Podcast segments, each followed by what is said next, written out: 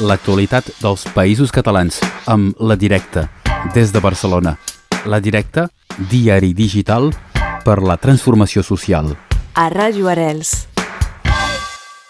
Descobrim l'actualitat dels països catalans gràcies a la col·laboració amb La Directa i avui el periodista Matías Lorente. Bon dia. Bon dia. Doncs ens vens explicar uh, temes que publiqueu a la directa. Començarem ara amb un mapa que té a veure amb energies renovables.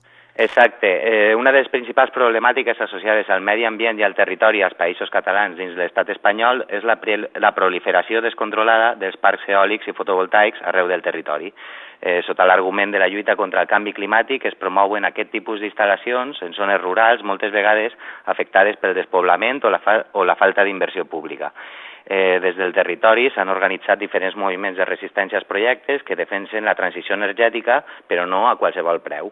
Amb el mapa interactiu el que pretenem és tindre una visió global dels efectes que tenen els projectes arreu dels territoris dels països catalans a l'estat espanyol.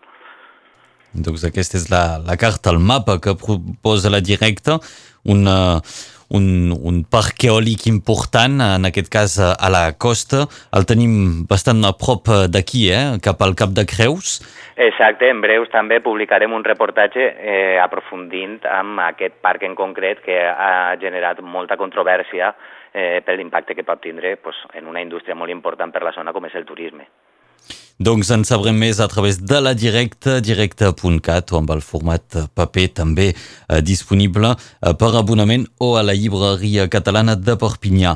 Seguim descobrint els temes que proposeu. Un retrat d'una persona empresonada a Israel. Exacte, es tracta de Juana Ruiz, és una treballadora humanitària que fa 30 anys, més de 30 anys que viu a, a Palestina i que actualment porta dos mesos en una presó israeliana acusada de pertànyer a una organització criminal i de desviar fons de la seva organització per promoure la lluita palestina. El judici està previst per al, el 7 de juliol i la, deting la persona que va estar, la, la Juana Ruiz, quan va ser detinguda, va estar quatre setmanes sense saber quins eren els càrrecs que li imputava l'estat israelià. Eh, arrel de la següent, del següent presonament s'ha iniciat una àmplia campanya de suport a l'estat espanyol i també a Catalunya. La setmana passada vam poder parlar amb alguns dels membres d'aquesta campanya de suport que ens explicaven en, quin, en quina situació es trobava la, la cooperant i quines eren les properes passes que pensaven portar a terme per denunciar la situació que viu. Mm -hmm. Doncs un retrat eh, d'aquesta militant és el que proposa a la directa. Seguirem amb uh, altres temes i ara tornem als països catalans. Ens portes eh, cap a València per una manifestació. Sí, e, efectivament, perquè el passat dissabte 5 de juny va tenir lloc una multitudinària protesta a València contra la llei 4-2015, també coneguda popularment com, com a llei Mordassa, una llei que ha servit per sancionar nombrosos col·lectius de lluita social arreu, arreu dels països catalans i l'estat espanyol. En concret, al País Valencià, entre el juliol de 2015 i desembre de 2019, es van interposar més de 112.000 més de 112 sancions, per un valor que ascendia als 62 milions d'euros.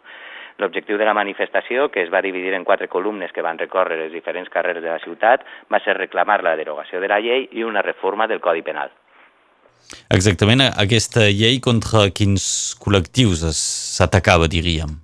Eh, bàsicament el que es tracta és d'una llei que intenta preservar eh, la seguretat dels cossos de seguretat de l'Estat, eh, de la policia. Mm. Aleshores, és com sota l'argument de protegir la seva identitat, pues es pot multar a manifestants per treure fotos de, de, dels, dels policies, per exemple, bueno, com diferents accions que serveixen per reprimir la protesta.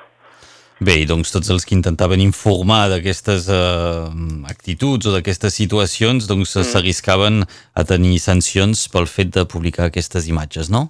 Mm. Mm. Mm. Doncs això és el que ha passat a València amb aquesta gran manifestació i ara parlarem de moviments de defensa del territori. Sí, sobretot al Baix Llobregat, perquè des del punt de vista mediambiental no podem deixar de mirar al, al Baix Llobregat. No?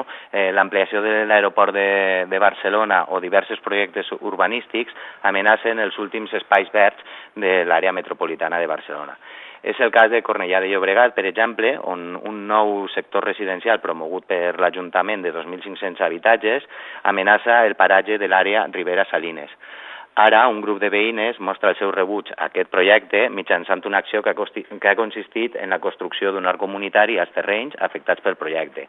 A més de tot això, dir que a la comarca, el pròxim dissabte, s'ha convocat una gran manifestació per protestar contra l'ampliació de l'aeroport de Barcelona i també eh, protestar contra el projecte de l'ARE eh, Prat Sud és un gran projecte urbanístic eh, al Prat de Llobregat que també contempla la construcció del voltant de 4.500 eh, habitatges. Mm.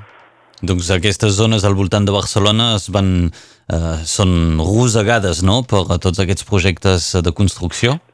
Sí, diguem que tota la pressió urbanística que durant molt de temps ha afectat a Barcelona cada vegada es va estenent no? cap a l'àrea metropolitana i va afectant cada vegada més municipis i, i territoris. Mm. I pagatges naturals també.